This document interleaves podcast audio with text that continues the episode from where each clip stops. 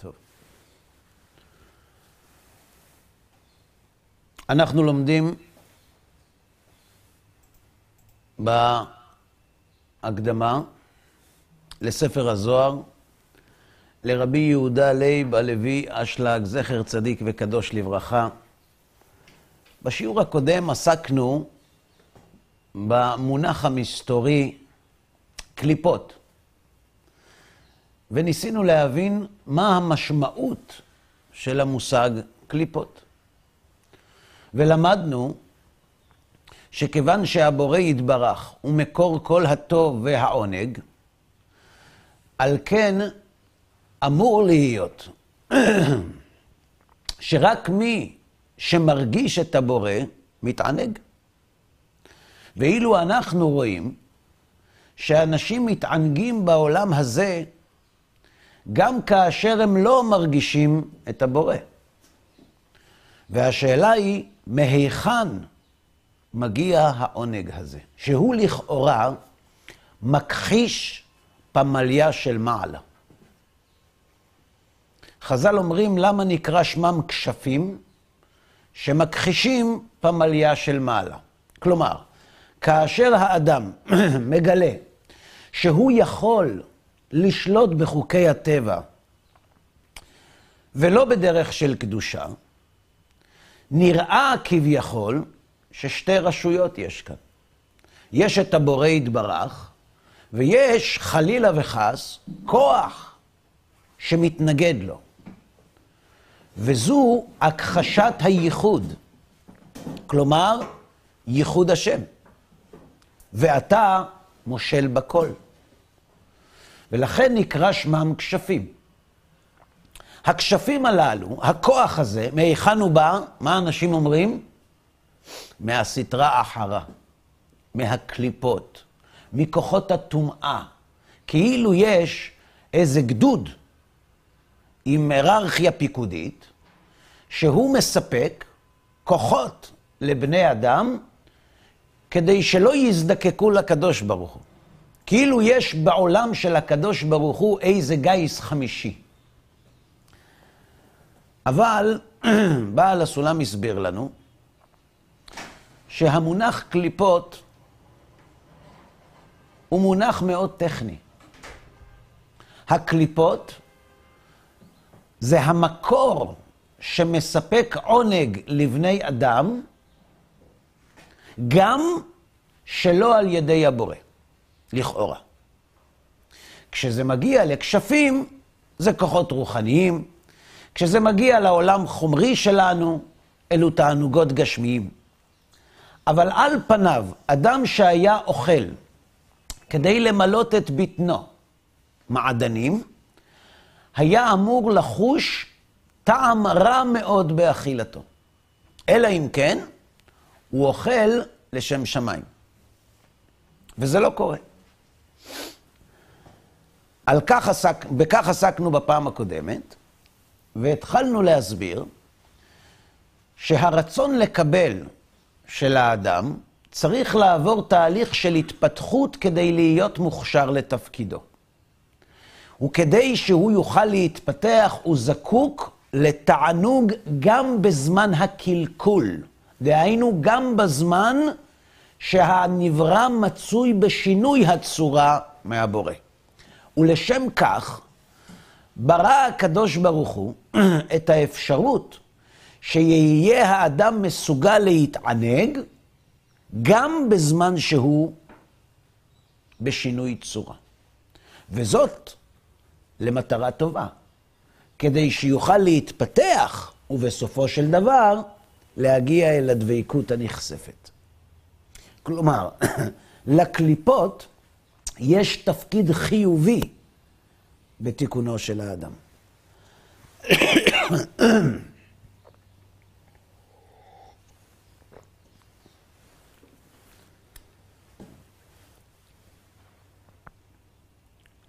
אלא מה? יש גם סכנה גדולה. כאשר האדם מסוגל להתענג בלי להיות מחובר לשלימות, לדבקות, לטוב, לאלוהות, הוא יכול לעבור את כל חייו בעולם הזה בלי להתקדם לעבר המטרה. ומכאן הסכנה הגדולה שיש בקליפות, ומתוך הניסיון אנחנו רואים שהרבה מאוד אנשים, בגלל הגנרטור הזה שממנו הם שואבים את העונג שלהם, הם לא מתקדמים לעבר תיקון הבריאה. כותב בעל הסולם, ועתה נפתח לנו פתח להבין החקירה הדלת. איך אפשר שיתהווה מקדושתו יתברך עניין מרכבת הטומאה והקליפות? אחר שהיא רחוקה מקדושתו יתברך מקצה אל קצה. ואיך ייתכן שיפרנס אותה ויקיימנה? אכן, יש להבין מקודם עניין מציאות מהות הטומאה והקליפות, מהי. בכלל זה נכון בכל תחום. אנשים מתבטאים בלי לדעת, בלי לרדת לעומק הדבר. אנחנו חיים בדור מאוד שטחי. מישהו אמר לי פעם שבדת ובפוליטיקה, כל מי שמדבר יותר מבין פחות. ככה זה בדרך כלל. אז בעל הסולם אומר, תקשיב, לפני שאתה שואל שאלות, בוא תבדוק מהי המהות של הקליפות, ואז אולי יתברר שאין כאן שאלה. בסדר? ותדע שזה הרצון לקבל הגדול שאמרנו, שהוא עצם מהותן של הנשמות מבחינת עצם בריאתם. איך אתם מבינים את המשפט הזה? אני קורא אותו שוב. שזה הרצון לקבל הגדול שאמרנו שהוא עצם מהותן של הנשמות מבחינת עצם בריאתם. מה זאת אומרת עצם מהותן? יש משהו אחר? חוץ מזה, אנחנו למדנו בשיעורים הקודמים שהנשמה מורכבת ממה? מאור וכלי. אז למה הוא אומר שהרצון לקבל הוא עצם מהותן של הנשמות? כי בשביל זה, הם נוצרו. מה אתה אומר? כן.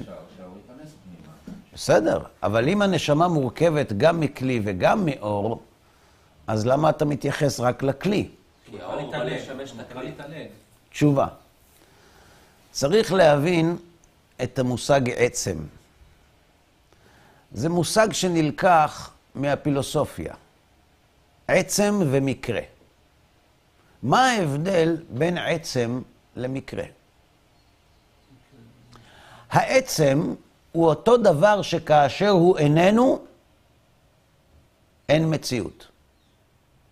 המקרה הוא כל מיני סניפים, מאפיינים שקיימים בעצם, אבל הם לא מחויבים שיהיו קיימים בו. כדי שהשולחן יהיה שולחן, צריך שיהיה עץ. כי אם אין עץ, אין שולחן. אבל הוא יכול להיות לבן או אדום. השולחן הוא אדום, אבל אדמומיותו היא לא עצם השולחן, היא מקרה בו. ברור? מהו אותו דבר שכאשר הוא איננו, אין כאן נשמה? התשובה היא רצון לקבל. רצון לקבל זו העצמות, המהות של הנשמה. זה נכון שיש גם אור, אבל אפשר שלא יהיה. וגם אם אין אור בכלי, הכלי קיים.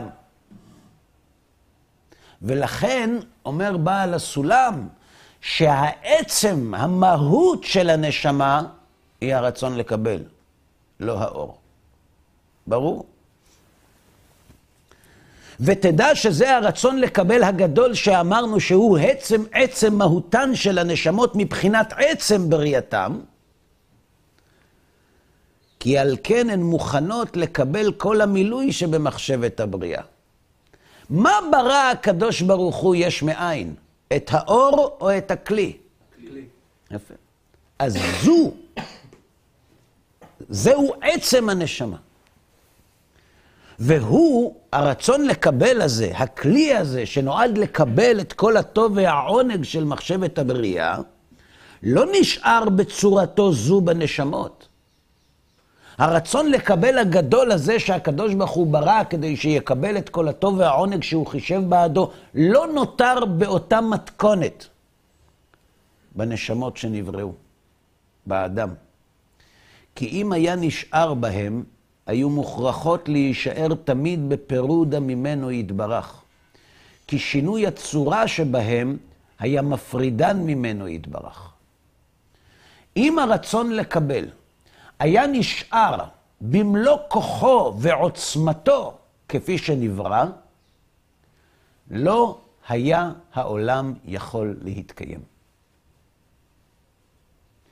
כתוב שהקדוש ברוך הוא ברא את העולם במידת הדין, וכיוון שראה שאין העולם מתקיים, שיתף עמו מידת הרחמים. העולם לא יכול, והאדם לא יכול להתקיים כאשר יש לו רצון לקבל בצורתו הראשונית, הגולמית, העוצמתית.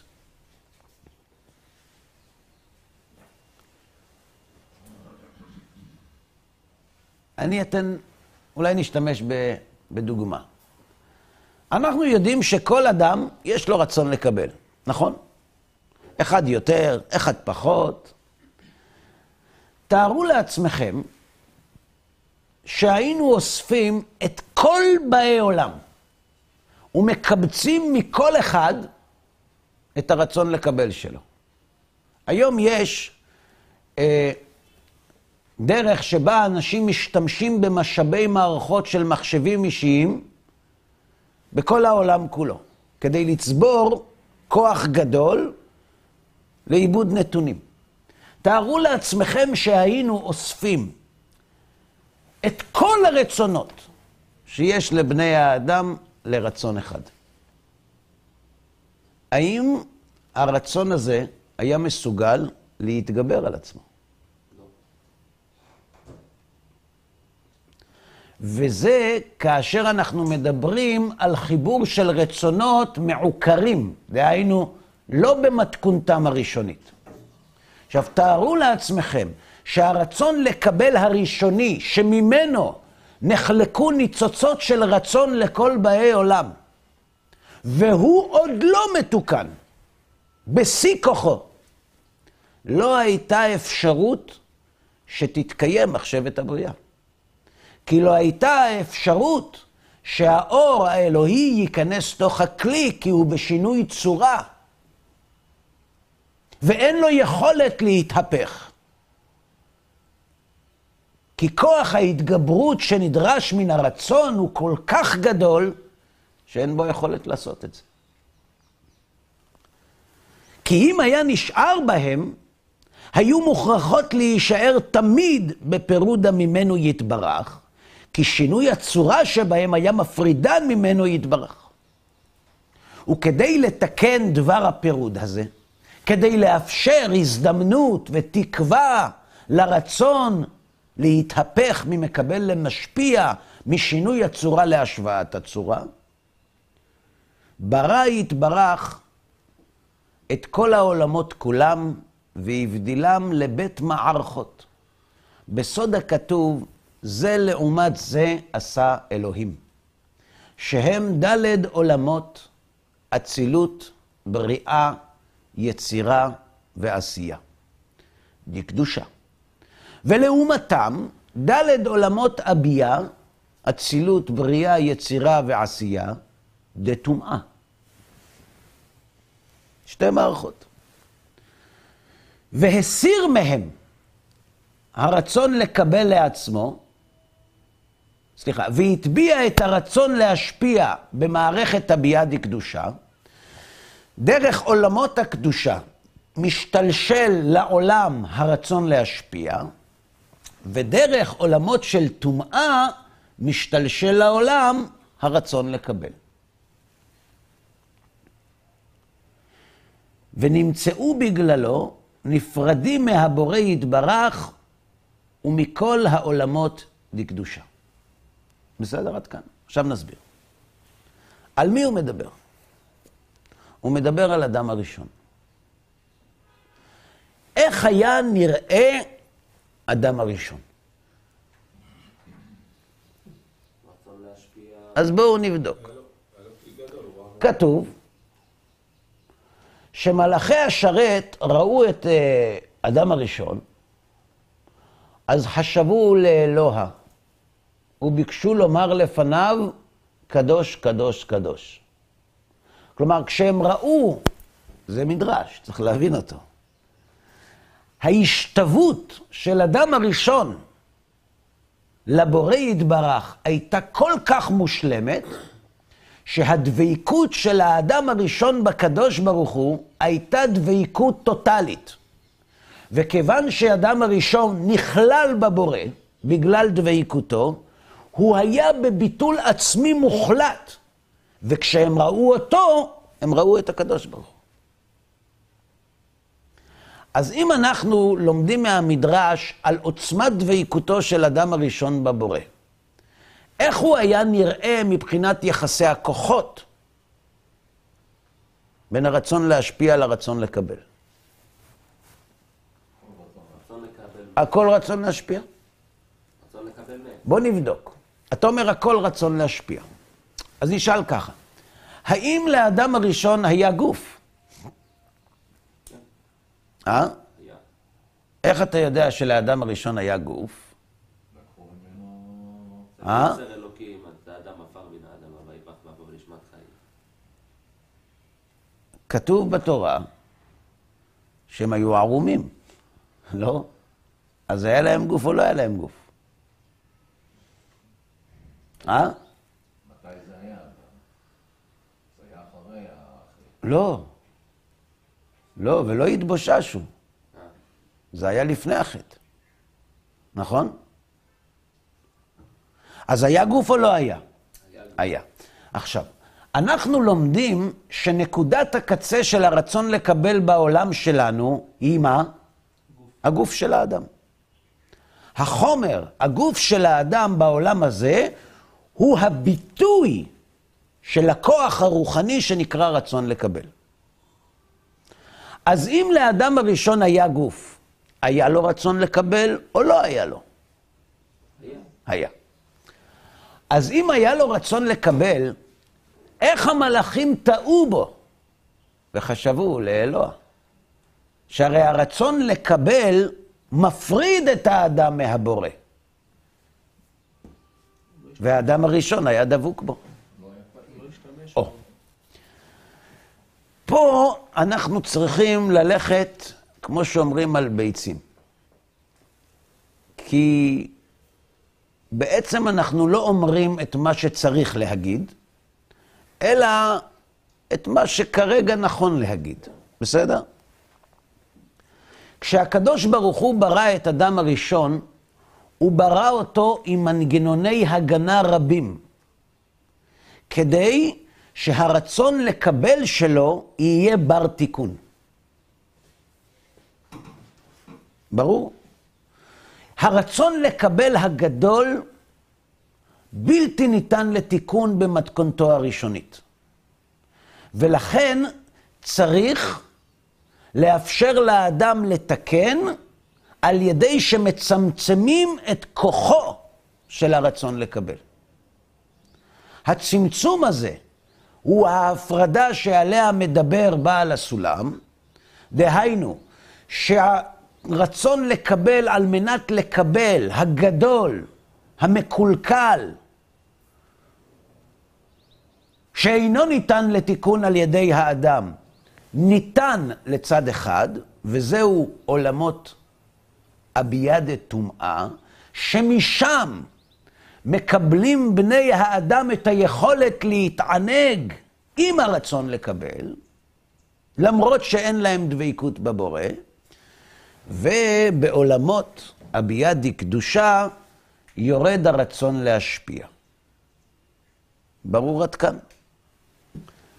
כלומר שבאדם הראשון היה רצון להשפיע חזק מאוד, ורצון לקבל חלש מאוד. מנוון משהו. ממש בסיסי כדי קיומו.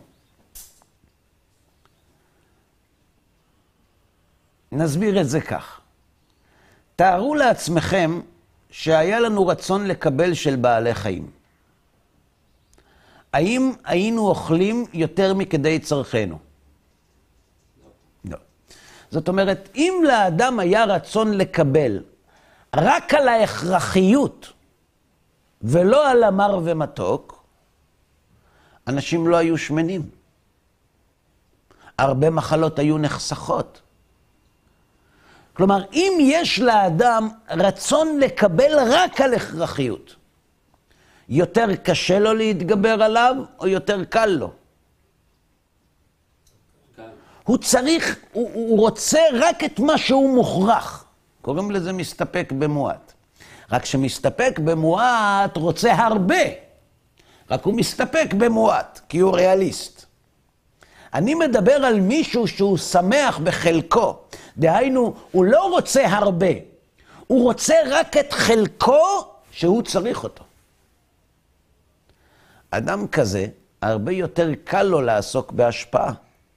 כי מה שאני לא צריך, אין שום סיבה שאני אשאיר אצלי. אדם הראשון נברא עם גוף, אבל הגננת אמרה שהגוף של אדם הראשון היה משונה. הוא לא היה כמו שלנו, הוא היה גוף רוחני. מה זה גוף רוחני? אם זה גוף, זה לא רוחני, אם זה רוחני, זה לא גוף. מה זה גוף רוחני? היה לו רצון לקבל, בסיסי ביותר, מנוון, כמו שאמרתם. וכולו היה עם רצון להשפיע. האם המצב הזה הוא תיקון הבריאה או תכלית הבריאה? תיקון. למה תיקון הבריאה? כי הרצון צריך להיות גדול. יפה. תכלית הבריאה היא לקבל את כל השפע שהקדוש ברוך הוא חישב לנבראים, אבל על מנת להשפיע. אבל התכלית זה להתענג. לא ייתכן שברא הקדוש ברוך הוא שפע בעולם לצורך האדם, והאדם לא יוכל ליהנות ממנו בלי שנגיד שמדובר בהשחתה. אז תכלית הבריאה היא לקבל את כל העונג שהאלוה חישב עבור הנבראים. אבל אנחנו לא יכולים עכשיו, לכן אנחנו עוסקים בתיקון הבריאה, בתיקון הרצון. אנחנו הופכים להיות משפיעים, ואז כוח ההשפעה יהיה חזק מאוד, ואז נוכל להכניס חזרה את הרצון לקבל הגדול ולהיות מקבלים על מנת להשפיע. נכון? האם המצב של אדם הראשון היה המצב הסופי או האמצעי? אמצעי. כי הוא רוצה רק להשפיע, אין לו רצון לקבל, אלא מאוד בסיסי. וכך הנחש הצליח לפתות אותם. מה הוא אמר להם? הוא אמר להם, תראו, אין ספק שאתם כמו מלאכים. אתם, יש לכם השתוות הצורה. אין ספק בכלל. אבל תגידו, למה הקדוש ברוך הוא ברא אותי? אני הרצון לקבל הגדול, המקולקל, שהופרש לעולמות הטומאה, למה הוא ברא אותי? אה? הוא ברא אותי כי בלעדיי לא תהיה תכלית הבריאה. צריך רצון לקבל גדול מאוד בתכלית הבריאה. אז למה הוא לא נתן לכם אותי? אגיד לך למה. כי אתם עדיין חלשים ולא יכולים להתגבר על הרצון לקבל הגדול שהוא אני. אבל היום אתם כבר התפתחתם ואתם ממש מעט מאלוהים. תדעו לכם, אם תצליחו לאכול מעץ הדעת ולקבל אבל על מנת להשפיע, הגעתם לתכלית הבריאה. אבל תיזהרו, רק על מנת להשפיע. הוא שיקר אותם? לא. הוא אמר להם ממש מילה במילה את האמת. זאת אמת לאמיתה. אומר לו, אומר הנחש לאישה, את יודעת, את יודעת למה, למה את אומרת מות תמותון? מי מת? מי שמתרחק מהבורא. מי מתרחק מהבורא? מי שמשתמש עם הרצון לקבל. אבל איך? על מנת לקבל. לא! לא תמותון, אומר הנחש, לא כמו תמותון. למה לא? אם תשתמשו בדרך של השפעה, לא רק שלא תמותון, זה החיים האמיתיים. איפה שאתם היום זה רק תיקון הבריאה, זה לא התכלית. אני התכלית.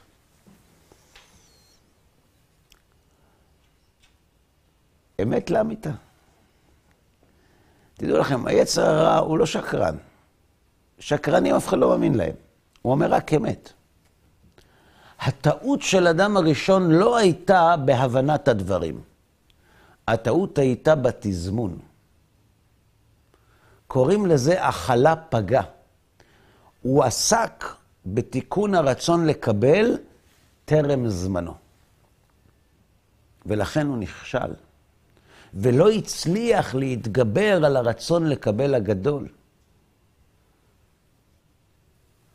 אומר בעל הסולם, הרצון לקבל שנתעורר באדם, ההתעוררות הזאת של הרצון לקבל שהפכה את הגוף של אדם הראשון לגוף גשמי כמו שלנו. כלומר, הרצון לקבל היה קיים, אבל הוא היה אסור באזיקים של תיקונים רבים שנתרופפו בעקבות חטאו של אדם הראשון. ולכן אנחנו בעולם הזה צריכים לעשות שני תהליכים. הראשון, לחזור למצב של אדם הראשון קודם החטא. להגיע להשפעה. ולאחר מכן יש עוד תיקון, שאותו היה צריך לעשות אדם הראשון לכשיגיע הזמן, ולהגיע אל תכלית הבריאה שהיא עולם הבא. ברור. הצמצום הזה של הרצון לקבל, כדי לאפשר לאדם להתגבר עליו ולעסוק בהשפעה, הצמצום הזה, החלוקה הזאת יצרה שתי מציאויות, של קדושה ושל טומאה. הרצון לקבל המנוון, זה הבסיסי, הראשוני, שמבחין בין אמת לשקר ולא בין טוב לרע, בין אמת לשקר ולא בין מתוק למר. לאן הוא נעלם, החלק הזה המנוון? הוא ניתן לעולמות הטומאה. דהיינו, לאפשר לבני האדם להתענג גם אם הם לא דבוקים בבורא. ומהיכן כוחות הטומאה שואבים את, ה... את הכוח לתת עונג? הרי אדם לא יכול לתת מה שאין לו. תשובה, מן הקדושה. שעל ידי ההפרדה הזאת שנוצרה, קוראים לזה שבירת הכלים, על ידי ההפרדה הזאת שנוצרה, ניתנו בתוך הרצון לקבל המקולקל חלקים של קדושה. וזה נקרא להעלות ניצוצות, שהקדושה שבויה בידי הטומאה, וכל מיני משפטים מיסטיים כאלה. אבל בפועל, הדבר הזה כולו נעשה לשם מה? כל הקלקול הזה, לשם מה הוא נעשה? לצורך התיקון. לצורך התיקון. אז מי מפרנס את הקליפות? קדושה. הקדושה. והקדושה מהי? יש מאין או יש מיש? יש יש. אז מי מפרנס את הקליפות? הבורא יתברך. ולמה הוא מפרנס אותם? כדי לאפשר לאדם את היכולת לתקן את הרצון ולהגיע אל תכלית הבריאה. ומטעם זה מכונות הקליפות בשם מתים. כמו שכתוב, אה, כתוב שולחן שאכלו עליו ולא אמרו עליו דברי תורה, שלושה שאכלו על שולחן ולא אמרו דברי תורה, כאילו אכלו מזבחי מתים. מה זה זבחי מתים?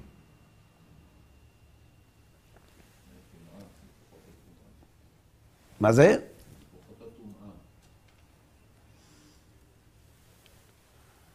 כוחות הטומאה. למה מי שאוכל על שולחן ולא אומר עליו דברי תורה, זה נקרא זבחי מתים. הוא אכל לצורך עצמו, ולא לצורך או. ההשפעה. כאשר האדם אוכל רק כדי לספק את צרכיו, ואין שום חלק של השפעה בפעולת האכילה שלו, הרי שהאכילה הזאת היא פרנסת הרצון לקבל בלבד. ולמה הרצון לקבל נקרא מתים?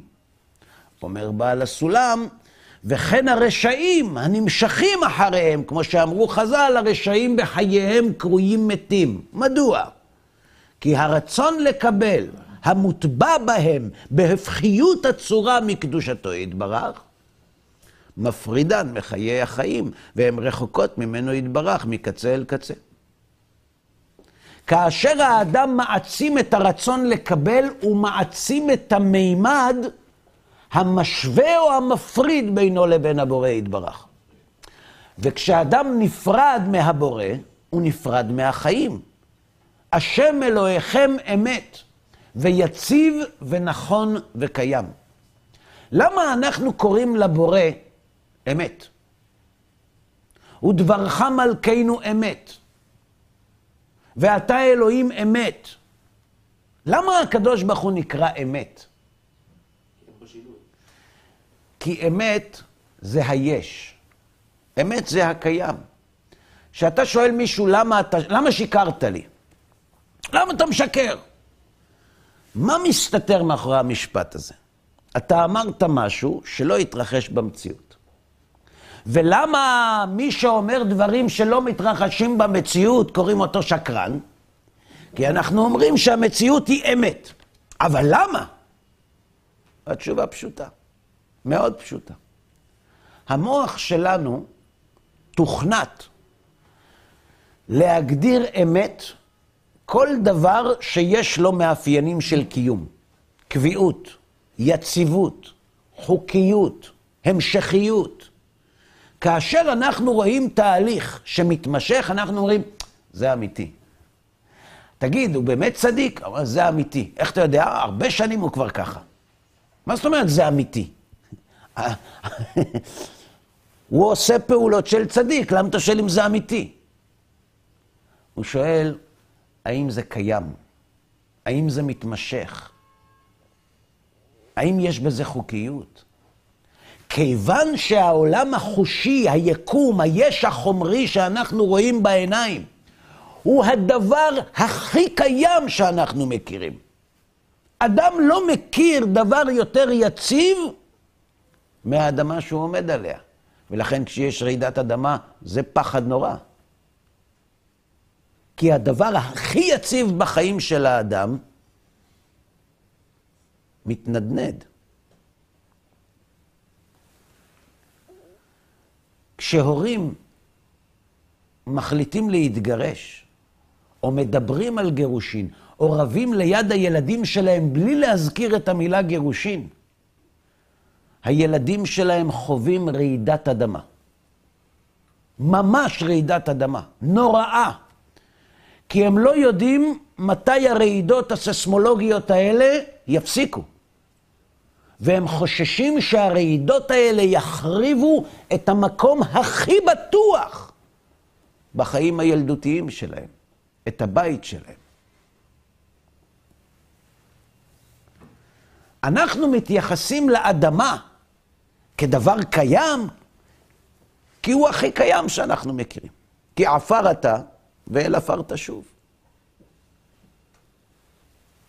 ולכן מי שעומד בסתירה למציאות, או אומר דברים שלא קרו במציאות, אנחנו מגדירים אותו שקרן. כי הוא סותר את הקיים.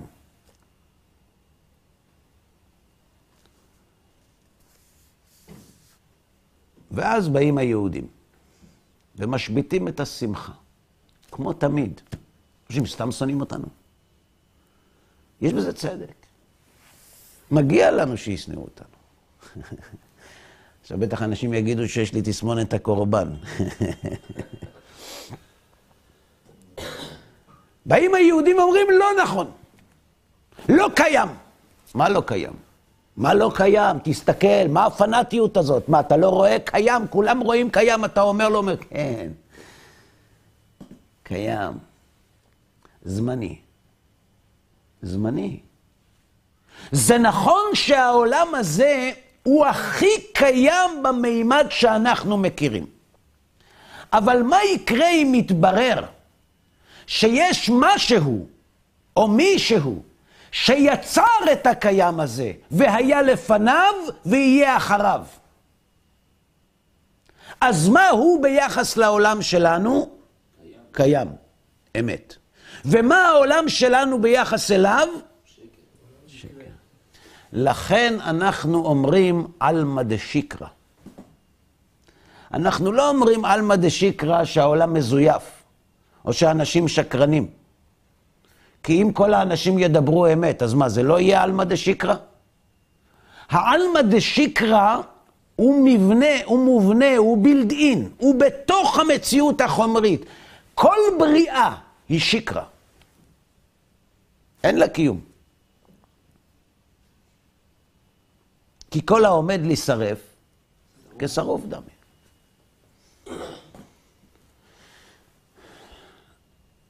לכן, השם אלוהיכם אמת. או עלמא דקשות, עולם האמת. הוא נמצא בעולם האמת. בעולם האמת יש גם גיהינם.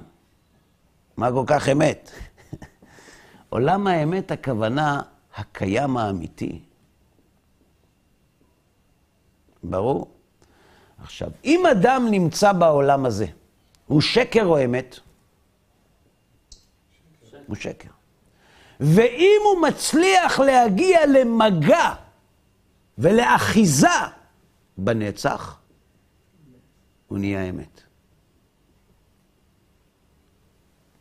אשר נתן לנו את תורתו, תורת אמת. למה התורה היא אמת?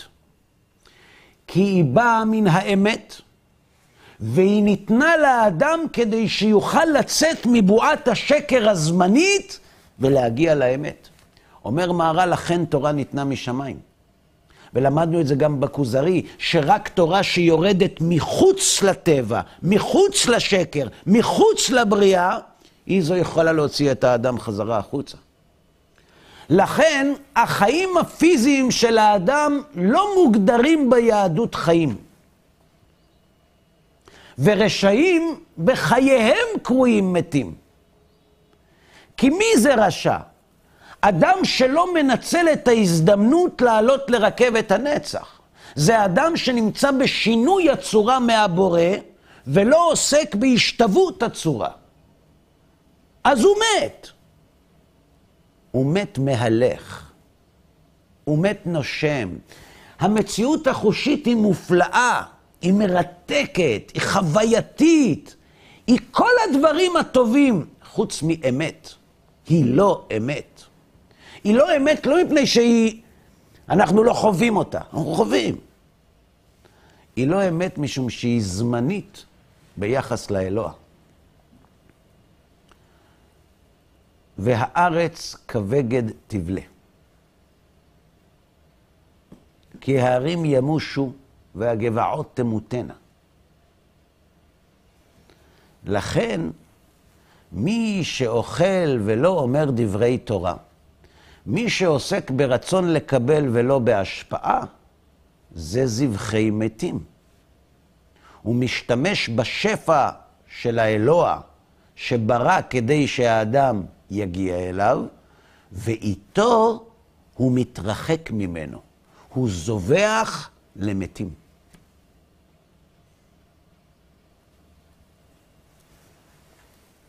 כי הוא יתברך, אין לו שום עניין של קבלה, אלא רק להשפיע בלבד.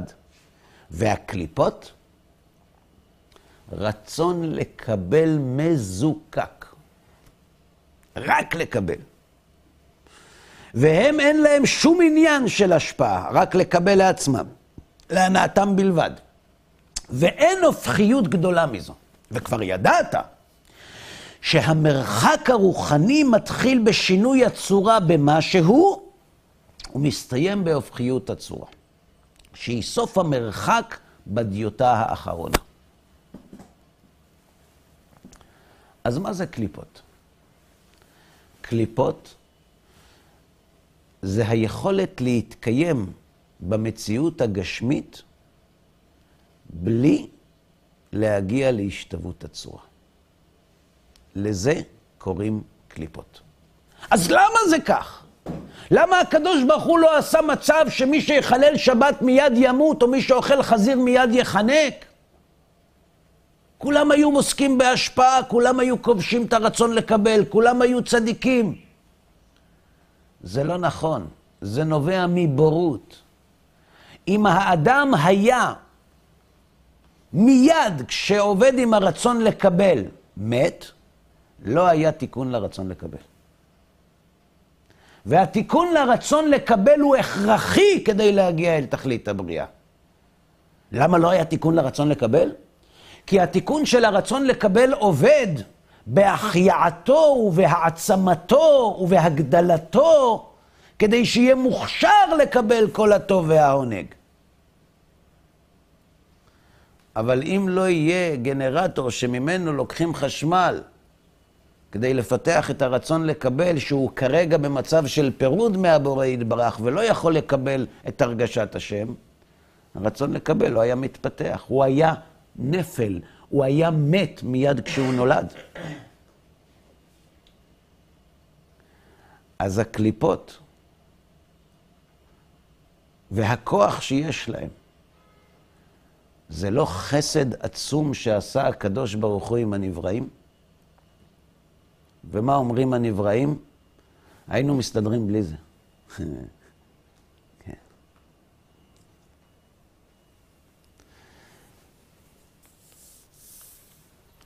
ונשתלשלו העולמות עד למציאות העולם הזה הגשמי. דהיינו, למקום שתהיה בו מציאות של גוף ונשמה.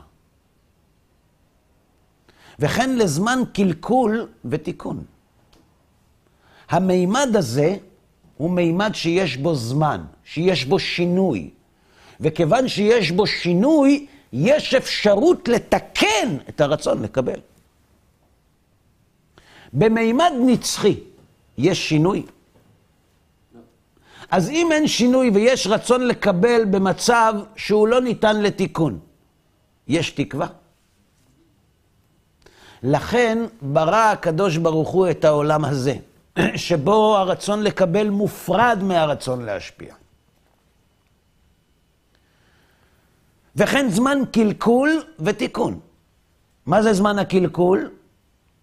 פיתוח הרצון לקבל. ותיקון, התגברות על הרצון לקבל. ונמשך משורשו במחשבת הבריאה, ועובר דרך המערכה של עולמות הטומאה, כמו שכתוב, הירפא האדם ייוולד, מי עובר דרך שם? הגוף. ונשאר משועבד תחת המערכה ההיא עד י"ג שנים, והוא זמן הקלקול.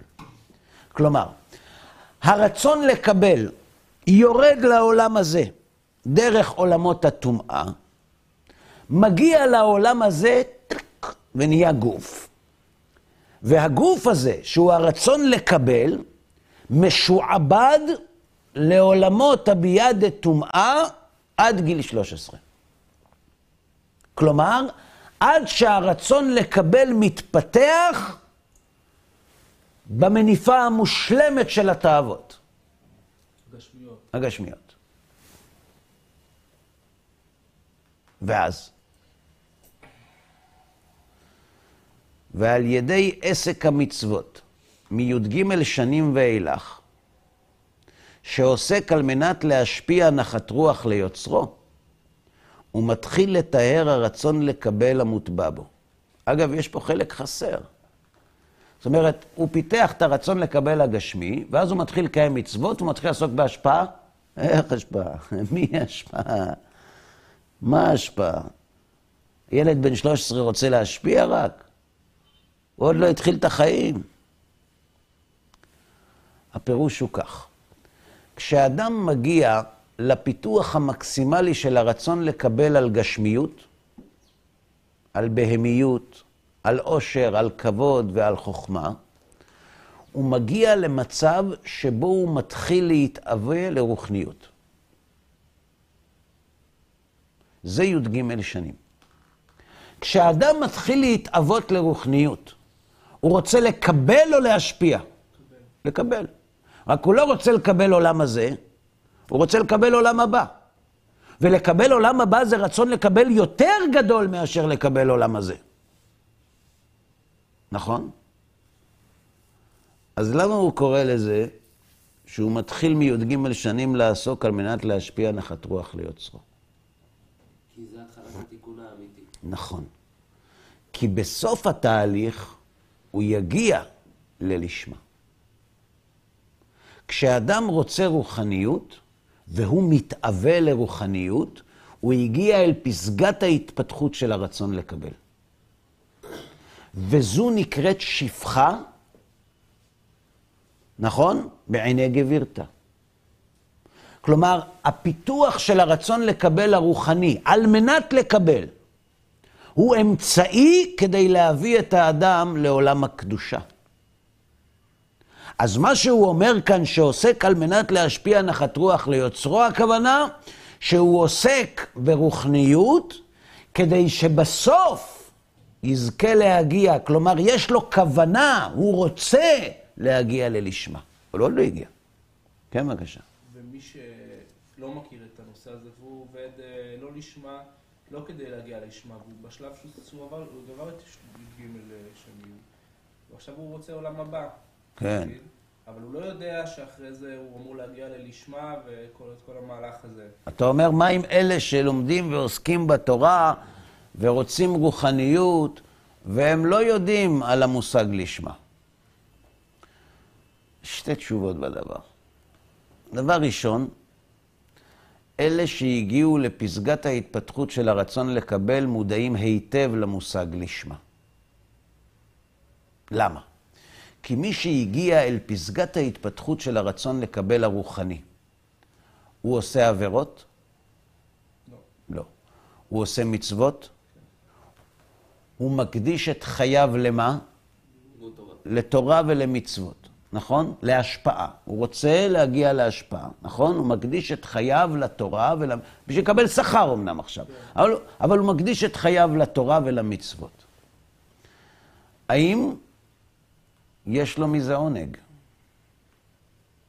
כן? כן? התשובה היא לא. בסוף. נכון, העונג מצטמצם ככל שהוא מתקדם. נכון. אז העונג הולך ונעלם. כי ככל שהוא מתפתח יותר מבחינת הרצון לקבל הרוחני, הוא נמצא בשינוי צורה גדול יותר מהבורא. לכן, בסופו של דבר, הוא יחוש חוסר סיפוק נורא בקיום התורה והמצוות. אבל הוא לא מתפרנס מה... רגע. הוא יגיע לייאוש. ולמה הייאוש כל כך גדול? כי מי שנמצא לפני י"ג שנים ויום אחד, אז הוא אומר, בעזרת השם, אני אלמד תורה, אני רק אזכה בלוטו, אני אשב ללמד תורה, אז יש לו תקווה לתענוג. אבל מי שעוסק בתורה והגיע למדרגה שהוא לא רוצה כלום חוץ מתורה, ואין לו סיפוק,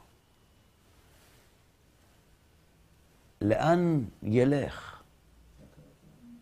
להכרת הרע, נכון. זה יחייב אותו לעסוק בהבנה למה הוא לא מרגיש עונג למרות שהוא עוסק בתורה. והתשובה תהיה רצון לקבל. ואז הוא יבין שצריך לעסוק בהשפעה. אז מי לא יודע מזה? מי שעדיין לא הגיע לפיתוח הרצון לקבל. עכשיו, יש שתי אפשרויות להתפתח, בדרך תורה או בדרך ייסורים. אז מי שמתפתח בדרך תורה ולומד ומתבונן וחוזר על זה עוד פעם ועוד פעם שהתכלית זה לשמה ושלא לשמה זה מוות וזה הותר רק בדיעבד ולכן אמרו חז"ל לעולם יעסוק אדם בתורה ומצוות שלא לשמה רק מפני שמתוך שלא לשמה בא לשמה ולכן הרמב"ם כותב שבקושי התירו לעבוד שלא לשמה. והוא חוזר על זה פעם ועוד פעם ועוד פעם. אז גם כשהוא מתחיל לקיים את התורה והמצוות, בי"ג שנים ויום אחד, הכוונה שלו מה? להגיע להשפעה. כלומר, מי שעוסק בהתבוננות, הכוונה של ההשפעה יכולה להופיע אצלו כבר בתחילת ההתפתחות הרוחנית. לעומת זאת, אנשים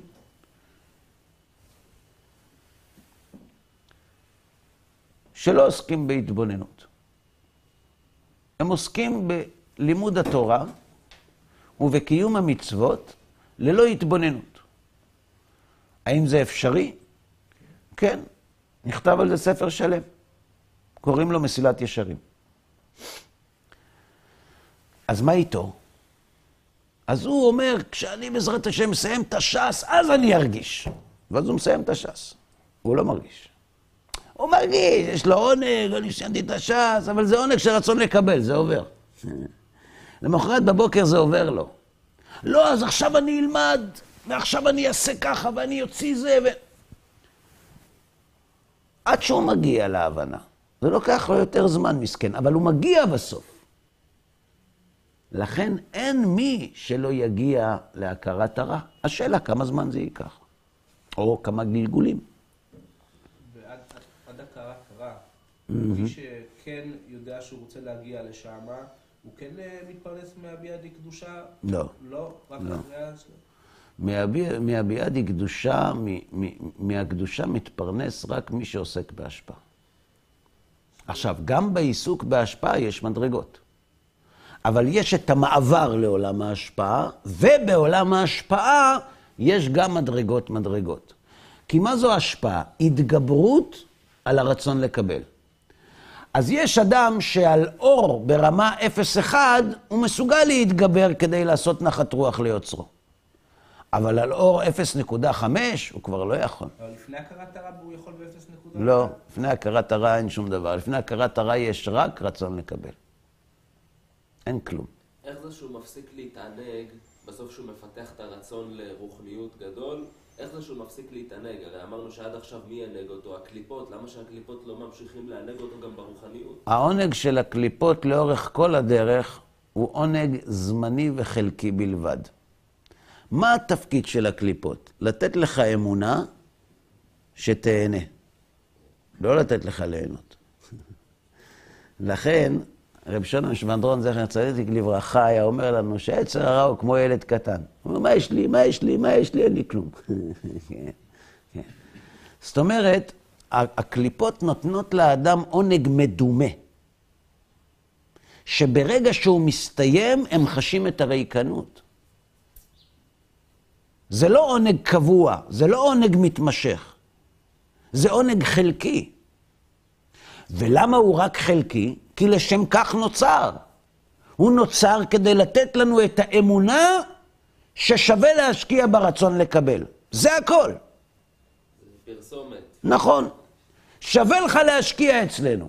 הוא מגדיל, הוא מגדיל את החיסרון. יפה. תפקידו להגדיל את החיסרון. אז אם הוא ייתן לאדם עונג מושלם, אז האדם לא יתפתח. אז הוא מקבל טיפה עונג, ואז זה נעלם, ואז הוא אומר, אז אני אעשה אלפיים, לא אלף, אני אעשה מיליון אני אעשה. אני אהיה הכי עשיר. ואז הוא יהיה אלכסנדר מוקדון, והנשים מאפריקה יביאו לו לאכול לחם מזהב. ויגידו לו את זה, אתה יכול לאכול? אז מה תעשה עם כל הכסף שלך? זאת אומרת, הם עוררו בו את ההבנה שהעונג החומרי הוא קליפות. כן, בבקשה. אפשר להגיע להכרת הרע לפני סיום כל הש"ס והפוסקים? כי אם הרי זה עניין של התבוננות, מה זה משנה אם אתה קורא 100 ספרים או 5 ספרים, כאילו לצורך העניין. אתה שואל האם אפשר להגיע להכרת הרע, גם אם עדיין לא סיימנו את כל התורה. התשובה היא בהחלט שכן. הנקודה היא שהדרגה של הכרת הרע, הכרת הרע יש לה גם מדרגות. יש אדם שמבין שסוכר זה לא בריא. הוא מבין. אז הוא משתדל לא לאכול סוכר, חוץ מאירועים מיוחדים, ויש הרבה אירועים מיוחדים. אבל הוא משתדל. האם הוא מכיר ברע שבסוכר?